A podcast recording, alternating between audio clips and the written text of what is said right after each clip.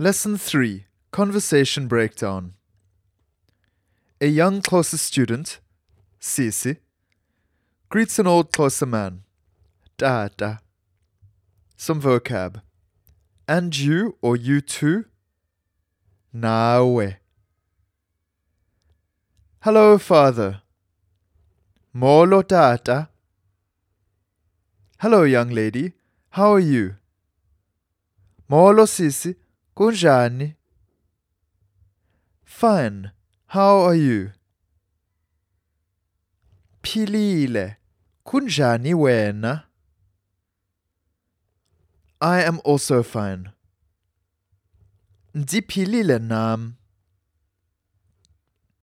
And then a line which you're not supposed to know.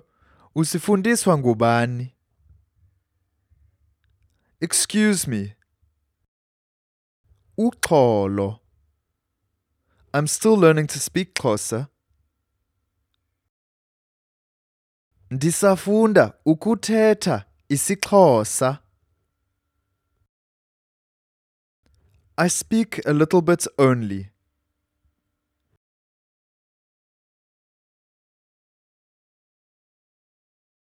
Ndithetha kancinci nje. Okay, you're still learning. Okay, usafunda. Yes, I am trying.